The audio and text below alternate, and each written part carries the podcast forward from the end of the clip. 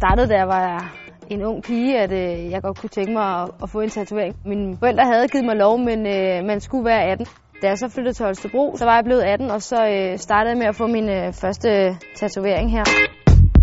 Det gjorde super ondt, og jeg sagde, at jeg skal aldrig have flere tatoveringer. Alligevel så går der øh, nogle måneder eller et eller andet, så, øh, så sidder man nede i stolen igen. Det er en meget speciel følelse, men øh, en man gerne vil prøve igen og igen og igen. Har lige fået lavet den her for nyligt sammen med min mor. Så har jeg fået skrevet mor herinde, og hun har fået skrevet Mulle i sin. En fin kæde med to hjerter for mig og min mors hjerte.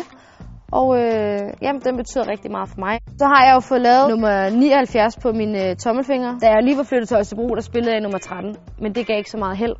Så tænker jeg, 7 og 9 som er mit lykketal. Helt klart 79. Og øh, det har jeg spillet i lige siden. Jeg kan ikke sige, om det stopper om to år, tre år. Jeg tror hele tiden, man finder på noget nyt. Jeg har sgu masser af plads endnu.